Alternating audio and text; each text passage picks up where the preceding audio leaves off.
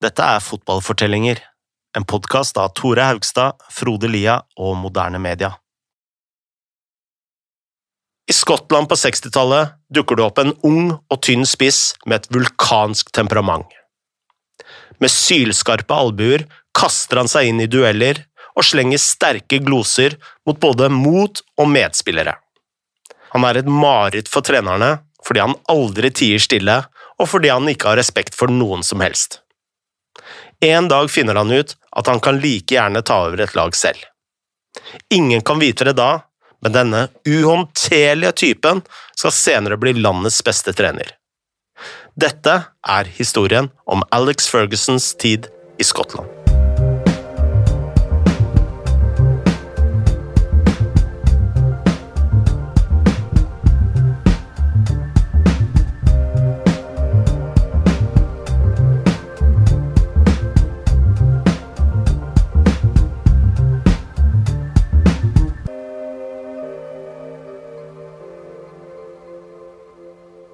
Alexander Chapman Ferguson ble født 31. desember 1941 i Gowan, like ved Clyde-elven som renner gjennom Glasgow. Gowan var et klassisk arbeiderklassestrøk, hvor mennene i området forlot sine røde skorsteinshus på morgenen, sleit seg gjennom ti timers hardt arbeid og avsluttet dagen på den lokale puben. Folk der hadde skikkelig dårlig råd og familien Ferguson var ikke noe unntak. Da Ferguson vokste opp, hadde de verken bil, TV eller telefon. De måtte stå på bare for å få ting til å gå rundt. Mora Elizabeth jobba i en fabrikk, mens faren, som også het Alex, bygga skip ved havna. Denne skipshavna var en av de fremste arbeidsplassene i Govan, og på bildene fra denne tida kan du se store kraner som henger over de røde husene. Dette var beinhardt, iskaldt og farlig arbeid som Alex senior drev med 60 timer i uka.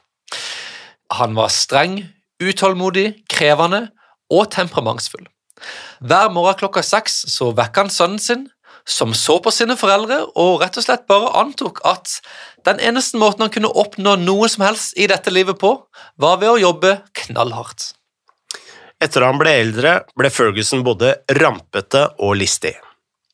Det var nok av bøller i go-en, men Ferguson konfronterte dem med rak rygg, og han ville heller få seg en blåveis enn å feige ut av en fight. En gang da han var ti år, var han i en snookerhall da en gjeng ville gi ham en slurk lemonade. Ferguson sa ja, og gjengen brast sammen i latter da han slurpet nedpå det som faktisk var urin.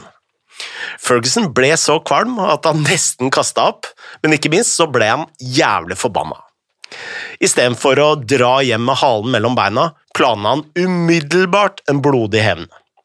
Han fant to snookerballer og en treplanke, og kasta ballene mot gjengen med så mye kraft han bare maktet. En av ballene traff gutten i kjeven, før Ferguson løp ut, stengte døren med treplanken og stakk hjem. Når Ferguson ikke var i en slåsskamp eller lå på sykehuset fordi han hadde vært med på et eller annet, så spilte han fotball på lokalt nivå. Hans første lag var Harmony Row, hvor de en gang måtte flykte fra banen fordi en gjeng pøbler rett og slett bare jagde de bort. Da han var 14 år, så dro han videre til Drumchapel Amateurs, og så til Queens Park, som var det beste amatørlaget i Skottland. Der hadde Ferguson så å si en mening om alt, og om han var misfornøyd med noe, så sa han klart ifra. Så Ferguson var ikke særlig fornøyd da han gjorde sin debut for Queens Park, og ble spilt ut av posisjon. Han var en såkalt inside forward, altså den nest innerste blant de fem spissene som lag ofte spilte med på den tiden, men i debuten mot Stanrear startet han på høyre kant. I den kampen møtte han en venstreback som het McKnight, dette var en aggressiv kar, og i en duell bet han bokstavelig talt Ferguson. I dagens fotball ville McKnight eh, selvsagt blitt utvist og suspendert i lang, lang tid, men i pausen var det Ferguson som faktisk fikk skyllebøtta av treneren, Jackie Gardner, som han het. For han mente at Ferguson ikke var aggressiv nok. Gardner sa i denne klubben trekker du deg ikke fra dueller, du kaster deg inn i dem, Du har ikke kommet hit med et stort rykte. Hva er galt med deg? Da sa Ferguson, men venstrebekken beit meg. Beit den deg? sa Gardner. Så bit han tilbake! En stund etter den kampen var Ferguson ute i Goven med vennegjengen på en lørdag, da de så et bryllup like ved. Og hvem var brudgommen? Jo, det var selveste McKnight. Ferguson fortalte vennene om kampen og bitinga av hva som hadde skjedd. Eh, og så sneik de seg opp til kirkedøra, hvor de slengte skjellsord som hagla mot McKnight sammen med risen. Idet McKnight kom ut, så fikk han høre at «Hey, hey, you bastard, who would marry you?» og alt det her. Og eh, Det varte jo sånn her da, frem til en gammel dame merka Ferguson og gjengen og, og jagde de bort. På skolen slet Ferguson tungt. Fraværet hans var skyhøyt, og han eh, falt ut av hele systemet da han var 16 år. Dette svei skikkelig, for han eh, var smart nok til å vite at utdanning var viktig. Nå begynte han heller på et lærlingkurs på fem år, hvor han skulle lage verktøy. Snart pendlet han til en fabrikk i stappfulle busser fulle av sigarettrøyk. Da han var ferdig med en lang arbeidsdag, dro han ikke på puben som resten av kollegaene. Han spilte heller for sin nye klubb St. Johnstone i den skotske toppdivisjonen. Han dro fra jobben klokka fire, trente, kom hjem klokka ett om natta, og så sto opp igjen seks neste dag. St. Johnson hadde signert Ferguson ved å love at han skulle få en fast plass på A-laget.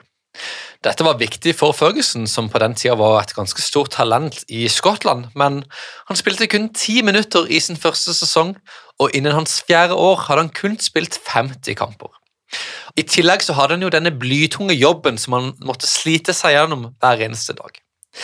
Akkurat da ting knapt kunne blitt verre for Ferguson, så spilte han en kamp for reservelaget hvor han brakk nesa og ett av kjevebeinene.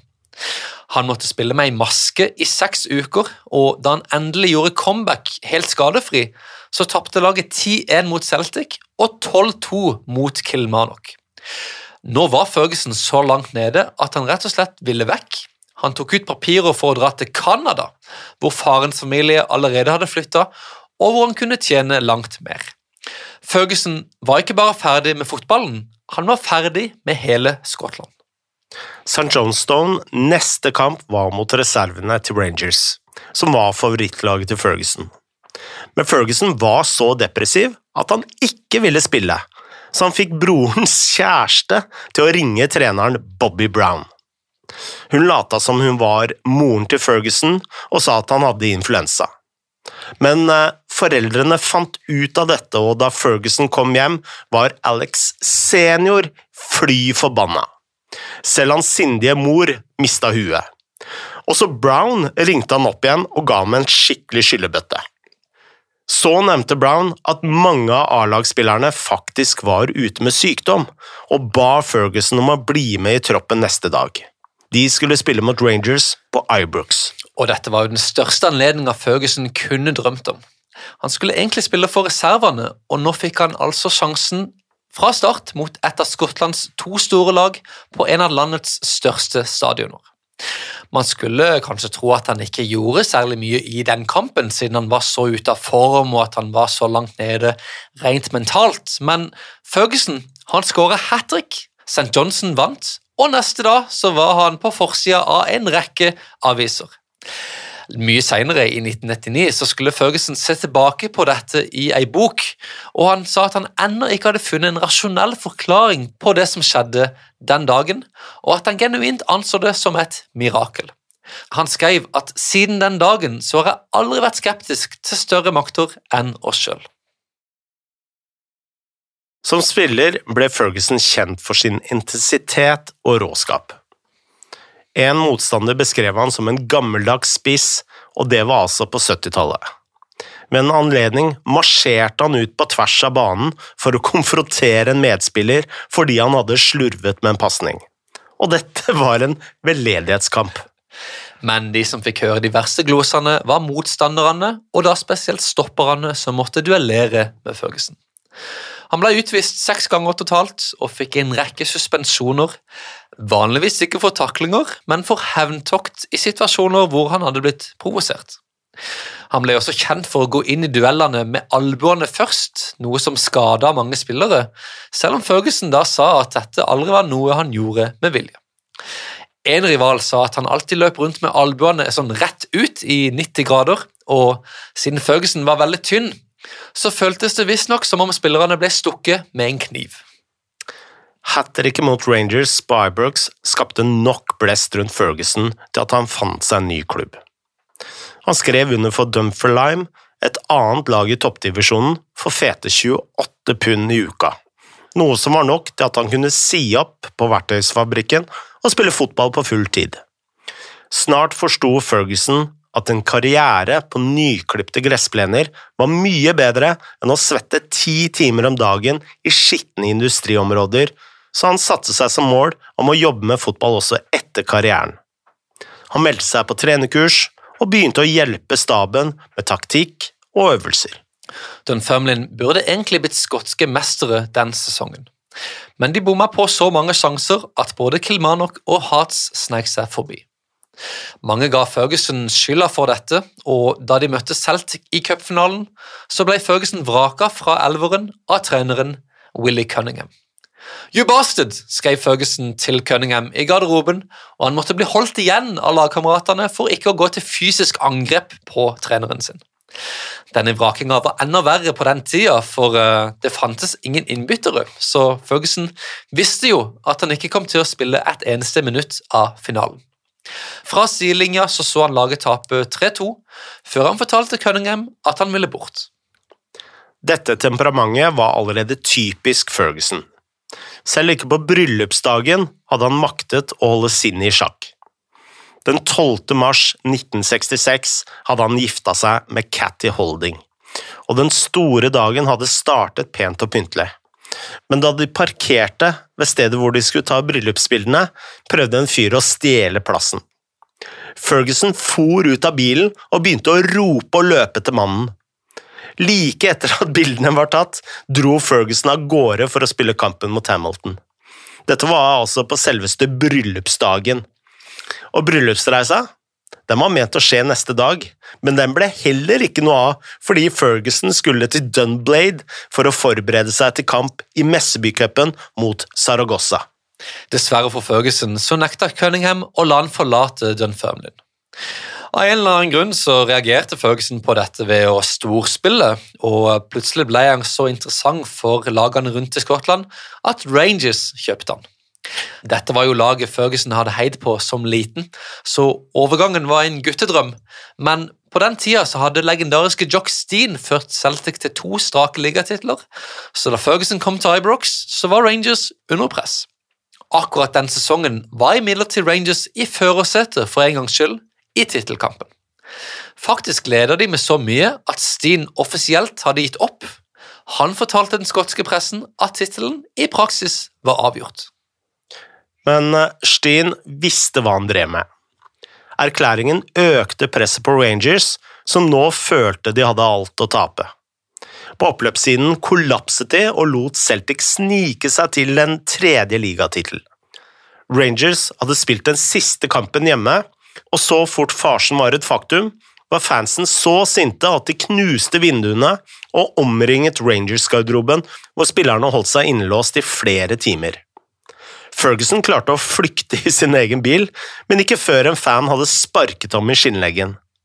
Senere skrev han at han aldri skulle glemme Steens psykologiske triks. På sommeren prøvde Rangers å bytte Ferguson bort mot en annen spiss.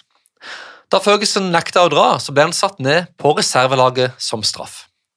Han spilte nesten ikke for A-laget den sesongen, og da han endelig fikk sjansen, så var det i selveste cupfinalen mot Celtic. Der klarte han å miste markeringa på et av Celtics mål, en glipp som skulle hjemsøke han i lang tid, og som dytta han helt ned på tredjelaget. Han skrev senere at drømmene hans som profesjonelle fotballspiller var i ferd med å bli begravd levende, og han skulle aldri tilgi Rangers for måten de behandla ham. I november 1969 dro Ferguson ned til Falkirk i andredivisjon. Det ble en suksess da de rykket opp med en gang. Noen år senere ville Ferguson videre til Hibs, men Falkirks trener var nå faktisk Willy Cunningham. For andre gang nektet han å la Ferguson dra. Ved denne anledningen nekta Ferguson å bli holdt tilbake, og i garderoben ble de to så sinte på hverandre at de nesten havna i slåsskamp inne på toalettet. Innen dette oppførte Ferguson seg allerede som en trener. Han var alltid veldig bestemt og prata enda mer enn før, og satte ofte spørsmålstegn ved det Cunningham gjorde, og Cunningham svarte ved å bare kalle han et levende mareritt. Men Cunningham må ha sett noe i Føgesen, for han ga han rollen som spillende trener. Dette burde jo egentlig ha gjort Føgesen litt mer voksen og ansvarlig, men kun en måned senere etter denne forfremmelsen så ble han utvist for å ha sparka en motstander. Og nå var det skotske fotballforbundet så lei av Føgesen at de stengte han ute i to måneder. Kort tid etter det fikk Cunningham sparken. Ferguson søkte på jobben som Falkirk-trener selv, men de ansatte heller John Prentice, som solgte Ferguson til Ayer United. Der spilte han lite, og da han fikk sjansen til å ta over East Stirlingshire i andredivisjon, sa han ja. Han var 32 år da han la skoene på hylla. Som spiller var Alex Ferguson ferdig.